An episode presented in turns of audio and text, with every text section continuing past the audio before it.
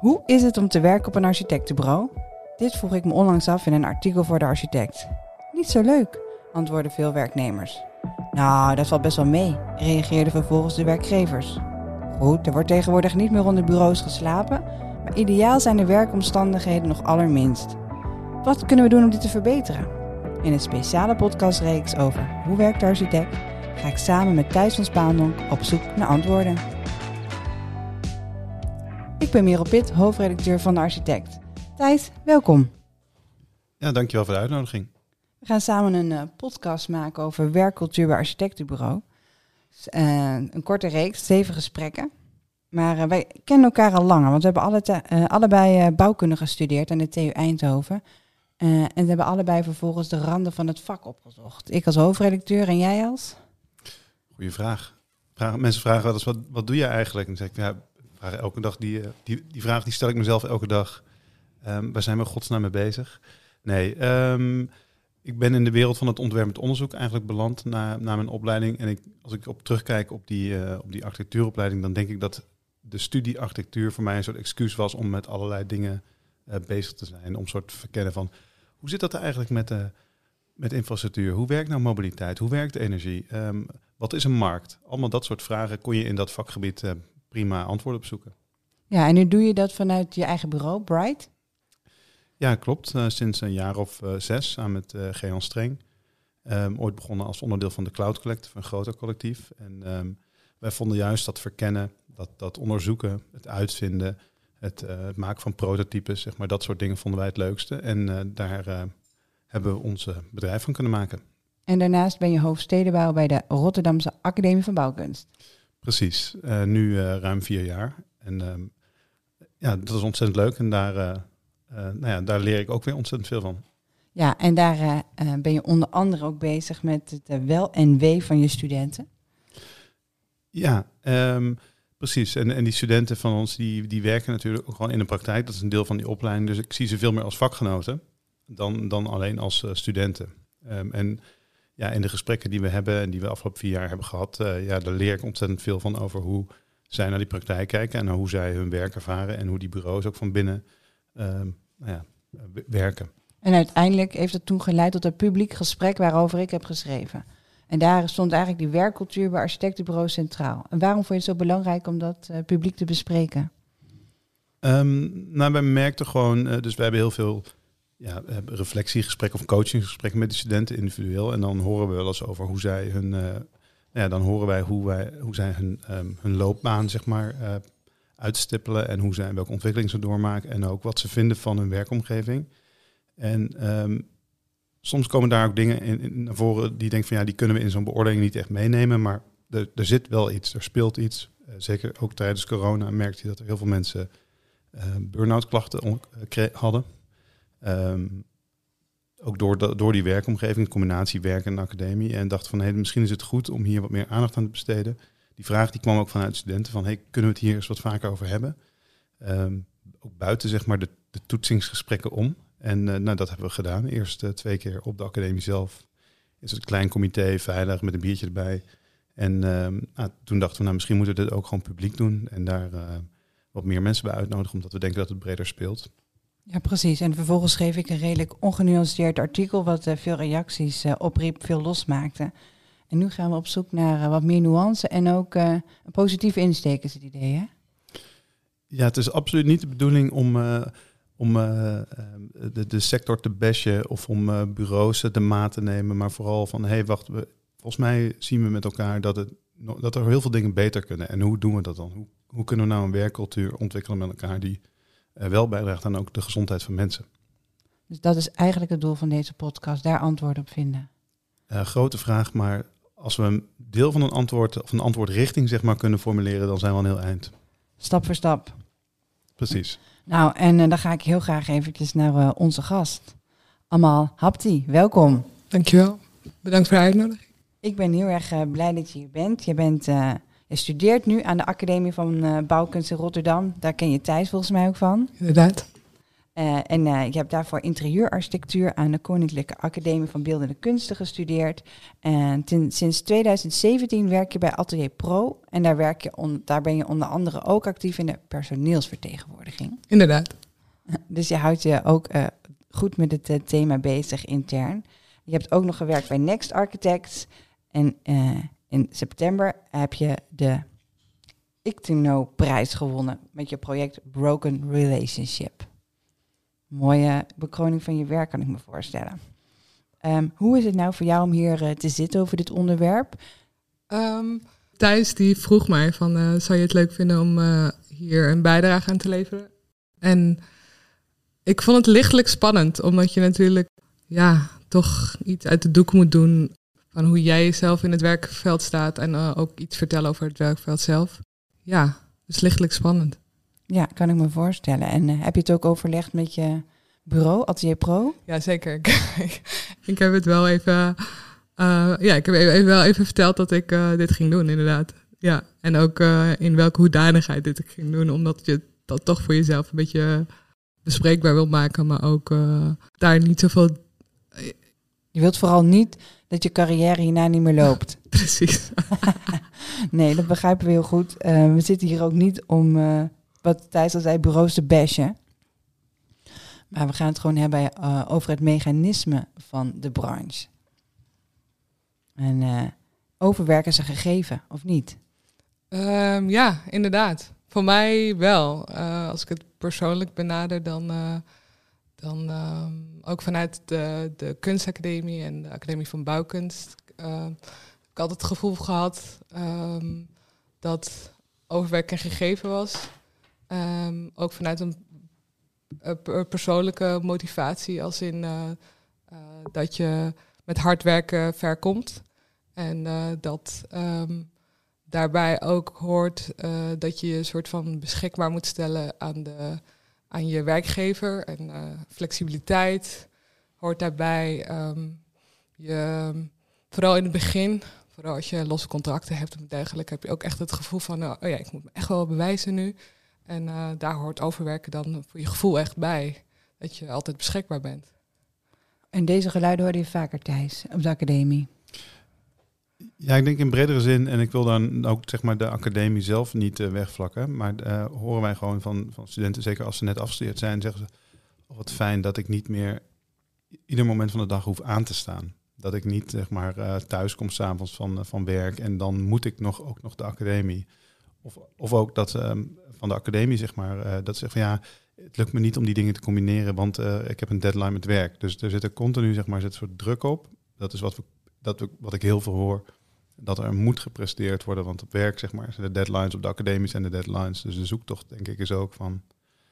ehm, ja, hoe kun je voor jezelf ook de ruimte creëren om af en toe even eh, ja, bij te komen. Te reflecteren waar je eigenlijk mee bezig bent.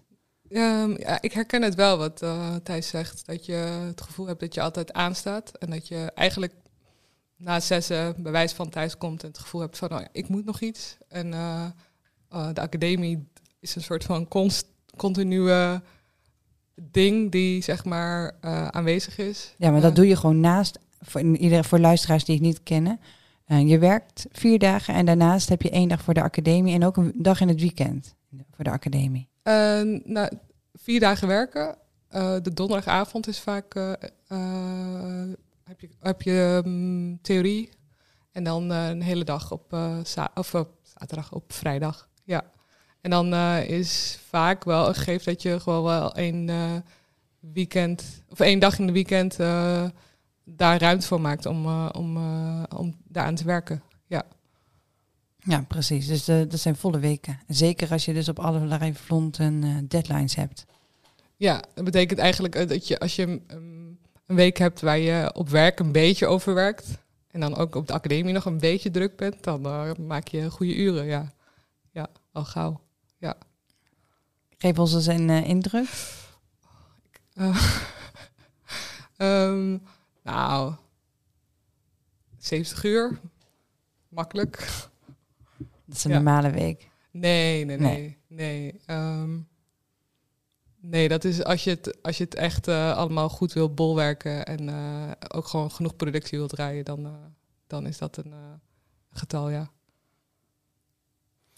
Um, ik zit nu via de academie, wat Merel al vertelde, zeg maar, wij hebben zelf allebei TU Eindhoven gedaan, wat echt een ander soort opleiding is. Dus ik moest ook wennen aan het idee van de academie. dus iedereen doet het er eigenlijk naast zijn baan, zou je kunnen zowel docenten als studenten. Hoe wij de academie liefst zouden willen zien, is dat het een plek is waar je naartoe gaat om even juist afstand te nemen van werk, even iets anders te doen, iets wat misschien leuk is, waar je zoiets van hebt, hey, hier kan ik doen wat ik zelf wil leren. Um, ervaar je dat ook zo? Um, ja, steeds meer, omdat voor mij was het ook gewoon een zoektocht van hoe uh, doe ik die twee uh, naast elkaar. En uh, ik heb daar ook wel deels in gefaald, in, in zoverre dat je jezelf gewoon tegenkomt op een gegeven moment, van dat je, oké, dit is te veel. Um, maar voor mij was het daardoor ook juist van oké, wat vind ik, uh, waar, waar kan ik dan echt nog een soort van interessante energie of vibe uithalen? Uh, door hele specifieke studio's te kiezen, waar je dan gewoon heel veel uh, interessante opgaves kan doen en um, daar heel erg in opgaan als het ware. Dat het meer is dan vinkjes halen om je diploma te krijgen. Precies. Dus in het begin was je een soort van heel schools bezig. Van, nou ja, hoe, hoe doe ik dat? En uh, dan ben je eigenlijk ook nog heel erg aan het zoeken naar een soort van uh, balans. En nu, uh, nu ga ik er echt vol, vol in. Ik kies echt wat ik interessant vind. En ik, doe, ik gebruik de academie echt als broedplaats voor ideeën en dingen. Om, om, om jezelf daar verder te helpen in de toekomst. Ja. Dus dan levert het energie op nu? zeker, zeker. Ja. Nou, Thijs, dat klinkt goed. Ja, dat klinkt zeker goed. En ik denk uh, nou ja, dat, dat uh, allemaal de, de prijs heeft gewonnen dit jaar. Dat is een prijs die is ooit in het leven geroepen door Huig Maaskant. met zijn nalatenschap wilde hij eigenlijk een soort ja, een, een, een ondersteuning geven aan, aan studenten die het meest maatschappelijk geëngageerde project hadden. Dus het meest eigenlijk bijdroegen aan, aan het gesprek over het, over het vak. En ik denk dat ja, allemaal dat zeker heeft gedaan met haar project ook. Um, maar het is goed om dit te horen. Maar zou je kunnen zeggen dat er Um, dat, dat we meer zouden doen als, moeten doen als academie om dat als je binnenkomt op die academie, ook al sneller door hebt van wacht even, dit is een plek waar, waar het niet gaat over die, het afwerken van dat lijstje van dingen die ik moet doen, maar het is een plek waar ik mag uh, ontdekken, waar ik moet zoeken naar mijn eigen richting in het vakgebied. Um, denk je dat het die kant op zou moeten? Ja, ik denk het wel, omdat je dan de soort van beste combinatie tussen die twee werelden hebt. Uh, als je eigenlijk voor je gevoel um, uiteindelijk een soort van opeenstapeling van, van, uh, van werkervaring en, en ideeën opdoen en, en dergelijke. En uh, als je en, en, ook als je oud-studenten spreekt bijvoorbeeld, of ook, ook van, andere, van andere studies, is dat ze eigenlijk vaak vinden dat achteraf gezien de middelen beter hadden kunnen gebruiken voor, voor, voor, voor uh, vergezichten bedenken of, of echt helemaal opgaan in hun werk. En uh, dus um, met terugwerkende kracht is dat altijd een gegeven. Dus ik denk wel dat er, dat, dat een heel fijn, een heel goed idee is om dat te doen. Ja. Ja, is ook een verantwoordelijkheid voor ons om daar veel meer nadruk op te leggen ook en te, dat te vertellen dat dat de bedoeling is. Misschien. Ja, en dat, dat heeft dan ook, uh, denk ik, uh, met die kwalificaties te maken. Dat je niet het gevoel hebt dat je een soort van alle schalen moet aantikken. En dat, dat doe je, iedereen doet het op zijn eigen manier, afhankelijk van hoe hij of zij in het werk uh, staat. Dus ja. En we hebben nu over de academie. Um, maar op de TU, ik herken ook bijvoorbeeld dat je nachten doorwerkt om je project af te ronden voor een goede presentatie knal je even door. En vervolgens wordt er eigenlijk het zaadje geplant van hoe je in die praktijk werkzaam bent. Want ik wil ook graag uh, het over die praktijk met je hebben. En uh, dus eigenlijk worden we allemaal opgevoed met het idee. Um, ja, ja, je hebt pas een goed project gedraaid als je je kapot hebt gewerkt. Klopt dat idee, denk je? Zeker, ja. Um, ja, het wordt op de kunstacademie bij wijze van spreken al uh, erin gestampt dat je dat uh, docenten zeggen van, nou ja, vroeger, nou, vier, vier nachten door, doorwerken, dat gingen Het wordt geromantiseerd eigenlijk. Precies. Iedereen is elkaar een beetje zo aan het, uh, uh, ja, toejuichen om, uh, om zo'n lekker nachtje door te halen. En dan ben je heel stoer, ja. ja. En in de praktijk werkt het ook zo? Um, nou, zo'n nacht doorhalen, niet per se. Um, maar het, het plant wel het zaadje dat, je, dat het gewoon heel normaal is om nog even een uurtje door, uh, um, door te werken of met een deadline best wel tot, uh, tot een uur of twaalf uh, iets af te maken.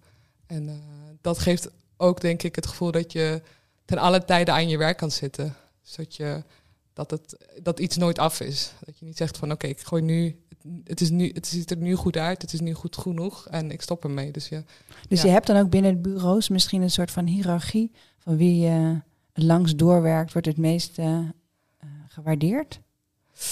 Um, nou, ik denk dat ik dat zelf heel erg uh, projecteerde. Dus dat je eigenlijk zelf, dus dat je samen iets in stand houdt die niet per se, waar niet iedereen het mee eens is, maar iedereen het toch doet.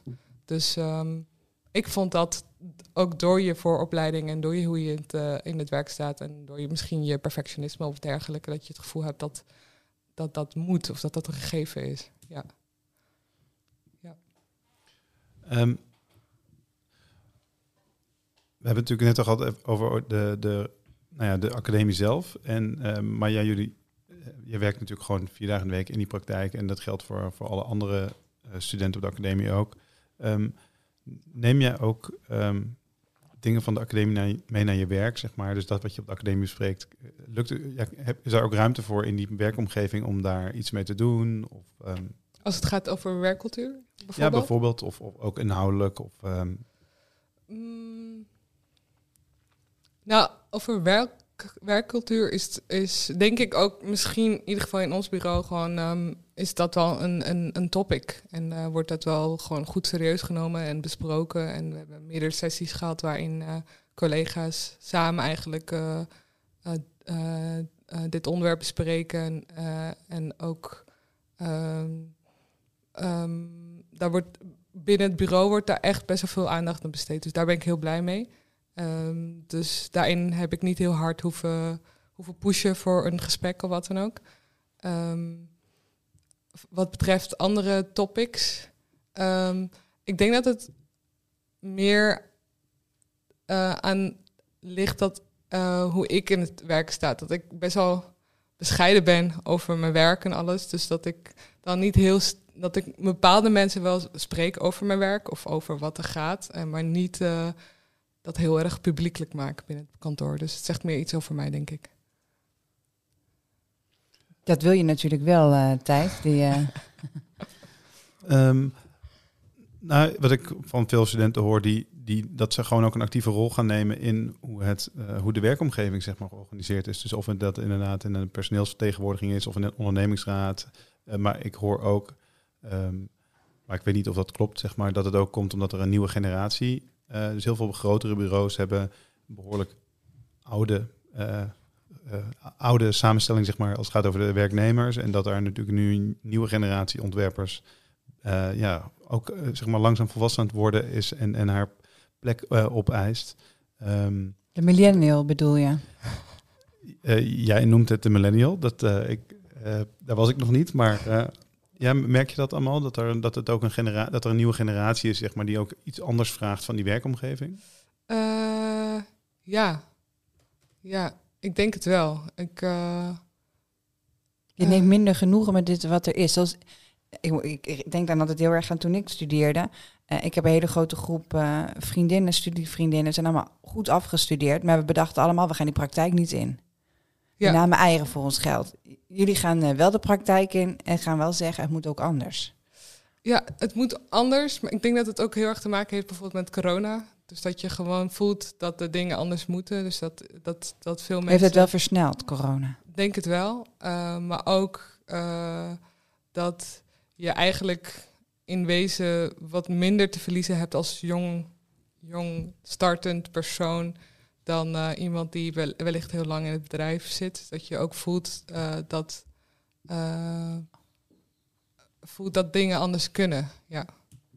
Merel zei net al, het woord millennial, zeg maar. Daar wordt natuurlijk wel eens gezegd van, ja, die millennials, dat is zo'n generatie die lopen continu met een ziel onder de arm en die, uh, die zeuren over van alles en die moeten gewoon eens leren hard werken. Um, ik, mijn inschatting is dat het een generatie is die niet meer uh, accepteert, zeg maar, dat, het, dat de business as usual is zoals die is. En eigenlijk zegt van, nee, het kan ook anders. Laten we daar eens even wat energie in steken. En, en ze spreken zich uit. Um, ben je het daarmee eens? Volledig, ja. Ja. Um, en hoe komt dat? Ik heb daar mm, wel ideeën over. Ik denk dat, dat uh, ons leven ook nog niet heel erg gekaderd is. Dus je, je een huis hebben, uh, een soort van vastigheid, je, een soort van lange termijnsperspectief die in wezen voor sommigen nog best wel eng is om over na te denken. Over, uh, als het gaat over klimaat, als het gaat over. Dus je voelt aan, alles dat, uh, dat verandering nodig is. En, en je hebt niet zoveel te verliezen. Dus, of minder te verliezen dan misschien iemand die.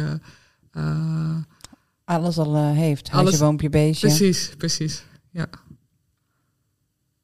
En we hebben straks uh, heel veel gesprekken met allemaal uh, werkgevers ook vooral, want die wilden heel graag met uh, Thijs en mij in gesprek. Heb je dan voor ons tips voor Thijs en mij? Wat moeten we ze voorleggen? Waar moeten we het over hebben? Nou, ik ben wel benieuwd naar de um, hoe werkgevers dingen um, meetbaar maken, zeg maar. Dus hoe um, vaak wordt er veel gedaan. En zijn mensen ook heel erg uh, welwillend om een soort van verandering uh, aan te gaan of, of, of te behelpen. Um, alleen het gebeurt dan, daar wordt over gesproken en um, er wordt over gediscussieerd. En dan verdwijnt het een soort van. ja, ja, en dan vlakt het af. En dan zijn er nooit soort van toetsmomenten waarin je echt zegt van oké, hebben wat wij besproken hebben en, en de acties die erop volgen, zijn dat, zijn dat ook echt, uh, uh, zijn ze ook meetbaar en toetsbaar dat ze helpen voor bijvoorbeeld de welcultuur binnen het bureau? Ja, dus dat is één vraag, denk ik. Ja, dus dan uh, beginnen ze wel al die gesprekken met, met jullie, met iedereen te voeren, maar vervolgens heb je niet het gevoel dat het echt wordt opgevolgd. Ja, omdat je toch in de waan van de dag weer en dat, dat uh, uh, ja, ik denk dus dat je het echt moet blijven bevragen. En daar best wel gedurende een jaar zou gewoon veel aandacht aan moeten besteden. En niet iets voor een interessante sessie en that's it. Ja. Ja, ik denk ook dat die waan van de dag ook veel bepaalt hoe de werkcultuur is. En daar gaan we denk ik ook over hebben. Ik bedoel, je werkt als architectenbureau in de competitiecultuur die er is. En ja, dat is ook altijd niet. Eh, ja, misschien brengt die ook wel met zich mee dat je dus van die idiote dagen maakt of zoiets. En uh, de CAO is relatief laag als je het vergelijkt met andere branches. Ja. Dus de beoordeling is ook relatief laag. Er zijn ook allemaal onderwerpen die uh, aan bod komen. En dan komen de gesprekken aan bod komen. nou, allemaal heel erg bedankt voor dit gesprek. Leuk, Ik, dankjewel. Had je me nog het gevoel dat je iets wilt toevoegen? Nog iets op je lijstje? Nee, nee. Ja, dankjewel. Dankjewel. Volgens mij hebben we zo'n mooi framework uh, neergezet samen voor, uh, voor de komende gesprekken. Ik ben heel erg uh, blij dat we allemaal dit wilden doen. En Thijs, jij runt zelf ook een bureau. Niet zo groot misschien, maar je bent er wel mee bezig. Je hebt ook werknemers. herken je zaken die ze aandraagt? Um, zeker. In de baan gewoon van, van project naar project hobbelen, zeg maar, of, of rennen. Um, een beetje afhankelijk van de deadlines. Um, is het heel makkelijk om voorbij te gaan aan het hebben over ja, hoe kunnen we dingen beter organiseren en hoe kunnen we dat uh, beter oppakken. Dus ik, uh, um, ja, da daar zit gewoon een valkuil, denk ik, voor veel, um, voor veel bureaus. Uh, dat het gewoon niet prioriteit heeft, die het wel zou moeten hebben. Um, dus ik word daar ook wel eens op aangesproken door mijn werknemers. Van ja, heb je dit nou wel geregeld? Heb je dit nou geregeld? je bent eigenlijk niet opgeleid als ondernemer ook natuurlijk. Nee, helemaal niet. Um, en, en, ook en al helemaal niet als manager. Uh, en dan niet in de vervelende manier, zin van het woord, maar in van hoe uh, begeleid je mensen, hoe coach je mensen, hoe zorg je er goed dat mensen op een, zeg maar, nou ja, dat doen waar ze in hun kracht uh, zitten, om maar even zo'n term te gebruiken. Um, maar daar, daar, word, daar word je helemaal niet voor opgeleid. En wil je dat wel doen? Want ik ken ook veel architecten die liever inhoudelijk bezig zijn.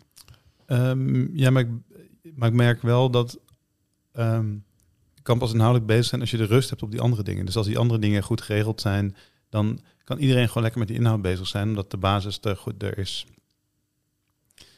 Dus, ehm, Dus Ja. nu ga je een eh, cursus eh, leiderschap doen. Ik heb eh, in mijn andere, mijn huishouden, zeg maar, heb ik een hele goede manager zitten. Waar ik heel veel van leer, omdat zij wel al die, echt die ontwikkeling bewust doormaakt, zeg maar. Dus ik reflecteer heel veel daarop met haar. Oh, dat eh, klinkt ook heel goed. Ik denk dat zij dat eh, misschien ook vanuit eh, haar werk meer kansen krijgt om dat te ontwikkelen. Ja, binnen een organisatie van 1500 mensen, zeg maar, dan, dan is daar, zijn- er andere kanalen voor. Ja, kun je allemaal naar de baak. Ehm, en even nog over de academie. Je hebt allemaal het verhaal daar ook gehoord, eh, over gehoord. Wat ga je nog anders doen? Neem je nog een to-do mee? Ehm, nou, volgens mij de, de opdracht van Amal was, was, was helder. Ehm, dus ik denk dat wij als academie veel explicieter moeten maken dat die academie een vrije ruimte is die je kunt gebruiken om te verkennen wat voor ontwerper je eigenlijk bent. Dus Merel, waar jij mee begon, wij zijn beide afgestudeerd als architect, hebben de randen van het, vakgebied, van het vakgebied opgezocht. En ik denk dat je iedereen die aan die academie begint of wil beginnen moet meegeven dat het de architect of de stedenbouwkundige, want ik ben hoofd van die stedenbouwopleiding, eh, is niet één type persoon, is niet, is niet een soort vastomlijnd begrip wat dat dan is. Ehm, dus gebruik die academie vooral om te verkennen wat je wil doen, waar je energie van krijgt, waar je lol in hebt. En dan vooral, en denk na en wees heel bewust van, wat wil ik dan leren? Waar wil ik die academie voor gebruiken? En hoe doe ik dat ook op zo'n manier ehm, dat ik daar energie van krijg? En in plaats van dat het een uitputtingsslag is van vijf jaar lang of vier jaar lang. ehm, die je vooral gebruikt om te denken van, oh, ik, ik denk dat ik dit moet doen. Maar dat, en dat moet dus niet. Met die mindset kunnen volgens mij eh, ook eh, TU-studenten meenemen. Zeker. Ja, dankjewel. Ehm dan eh, wil ik nog even graag onze gast van volgende week voorstellen. Dat is Bruno Vermeers. Hij studeerde in 2005 af aan de Universiteit van Gent. Vervolgens heeft hij als senior architect gewerkt bij Studio Makking en bij. In 2014 richtte hij het designloket 15 Minutes op en werd hij medeoprichter van Jacques en André. Nou, hij geeft overal les en alles. Ehm, maar ik zie hem ook best wel vaak bij het schoolplein. Hij woont achter mij. Hij ziet zichzelf vooral als een enorme ploeteraar. Eh, iemand die eh, van grote meerwaarde wil zijn voor de maatschappij en zich daar eindeloos in verliest. En eh, hij, hij heeft zich er ook echt in verloren. Hij kwam thuis te zitten met een burn-out. En nu heeft hij besloten niet meer in loondienst te werken, maar een eigen bureau op te richten. Want hij wil zijn passie eh, meer kanaliseren, zodat het geen obsessie wordt. Nou, ik ben eh, heel benieuwd naar, eh, naar zijn gesprek. Dus eh, houd onze socials en nieuwsbrief in de gaten voor de volgende podcast die op 31 oktober online komt. Dank jullie wel allemaal. Dankjewel. Dankjewel.